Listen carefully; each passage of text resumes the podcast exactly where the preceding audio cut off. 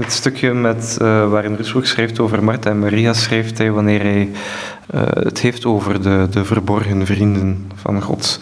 En daarin uh, maakt hij duidelijk, onder andere, dat, dat, dat, dat zij dus ook een, een ja, werkend leven hebben.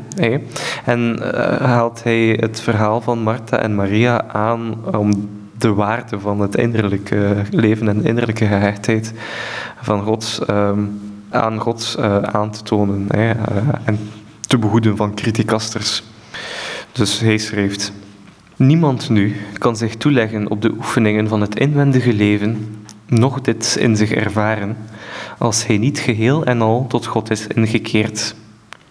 Want zolang de mens in zijn hart verdeeld is, blijft hij naar buiten gekeerd en ongestadig in zijn gemoed, en wordt hij ook licht bewogen door lief en leed in tijdelijke dingen, want die leven nog in hem.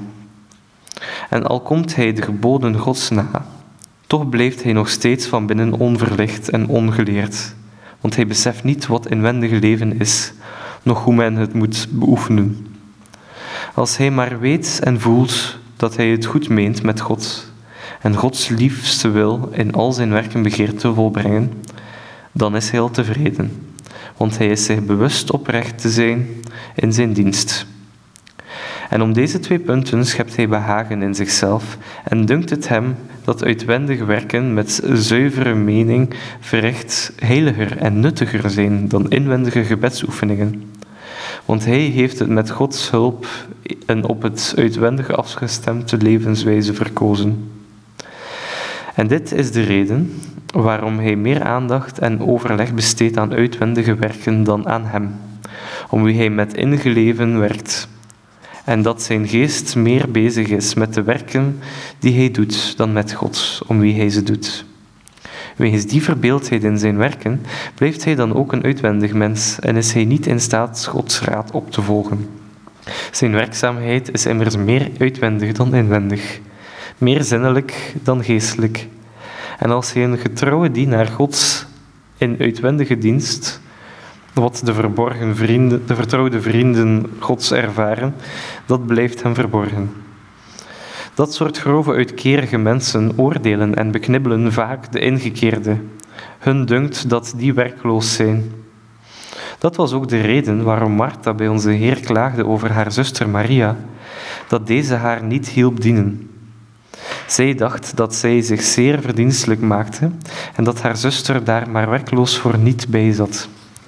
Maar onze Heer sprak over beide zijn mening en oordeel uit. Hij berispte Maria, niet om haar dienst, want die was goed en nuttig, maar hij berispte ze om haar bekommerdheid en omdat ze bedrukt en bedroefd was door de beslommeringen van haar uitwendige werk. En Maria prees hij om haar inwendige bezigheid en zei dat één ding nodig was en dat zij het beste deel had verkozen. Dat haar niet ontnomen zou worden. Dat ene ding, voor alle mensen noodzakelijk, is de goddelijke minne.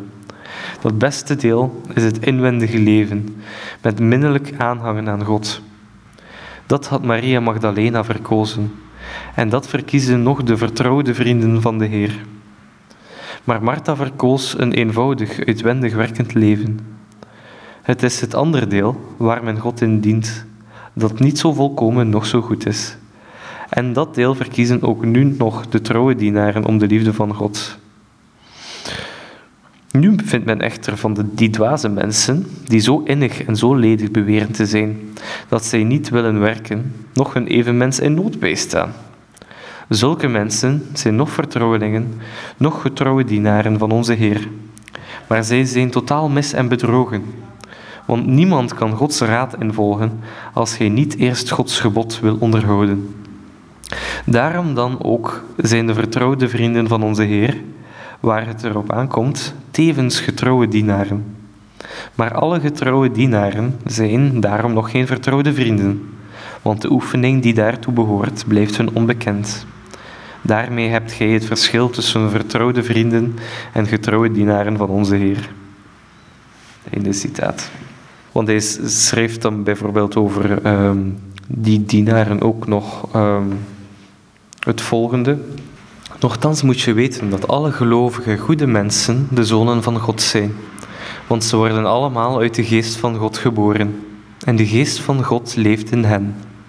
En hij beweegt en drijft ieder in het bijzonder over, overeenkomstig zijn capaciteit tot deugden en goede werken, waarin hij welgevallig is aan God.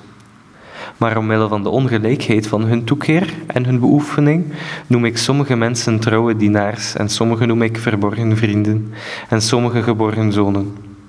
Nochtans zijn ze allemaal dienaars, vrienden en zonen, want ze dienen en beminnen en beogen allen één God en ze leven en werken allen uit de vrije geest van God.